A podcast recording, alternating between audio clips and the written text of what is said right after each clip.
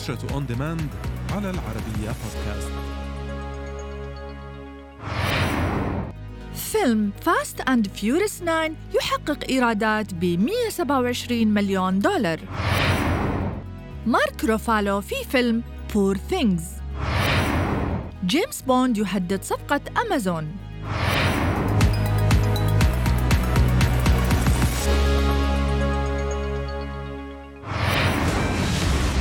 حقق فيلم Fast and Furious 9 إيرادات ضخمة تقدر ب 127 مليون دولار في الافتتاحية الأولى للفيلم وفقا لصحيفة Variety فإن الجزء التاسع من السلسلة يقترب من تحقيق التوقعات الأولية التي حددتها الشركة المنتجة بوصول الإيرادات ل 160 مليون دولار ليسجل أكبر افتتاحية إيرادات وسط تفشي وباء كورونا.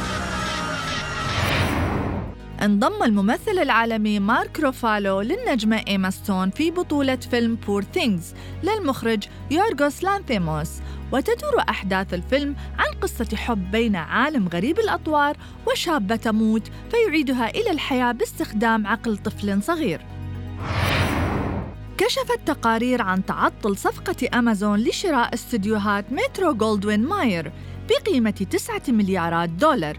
ويرجع السبب إلى سلسلة أفلام جيمس بوند حيث تتمتع استديوهات مترو جولدوين ماير بعملية إنتاج جميع أفلام السلسلة منذ انطلاقها عام 1962 ووفقا لتقرير صحيفة Variety فإن القيمة الحقيقية للصفقة تتراوح ما بين 5 إلى 6 مليارات دولار إلا أن أمازون رفعت قيمة الصفقة من أجل الاستحواذ على حقوق إنتاج سلسلة أفلام جيمس بوند في المستقبل.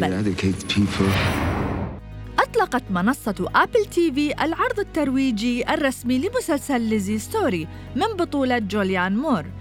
المسلسل مقتبس من إحدى روايات ستيفن كينغ والتي تحمل نفس الاسم وتدور أحداث المسلسل عن الأرملة ليزي التي أصبحت مطاردة من قبل رجل خطير مهووس بعمل زوجها الراحل.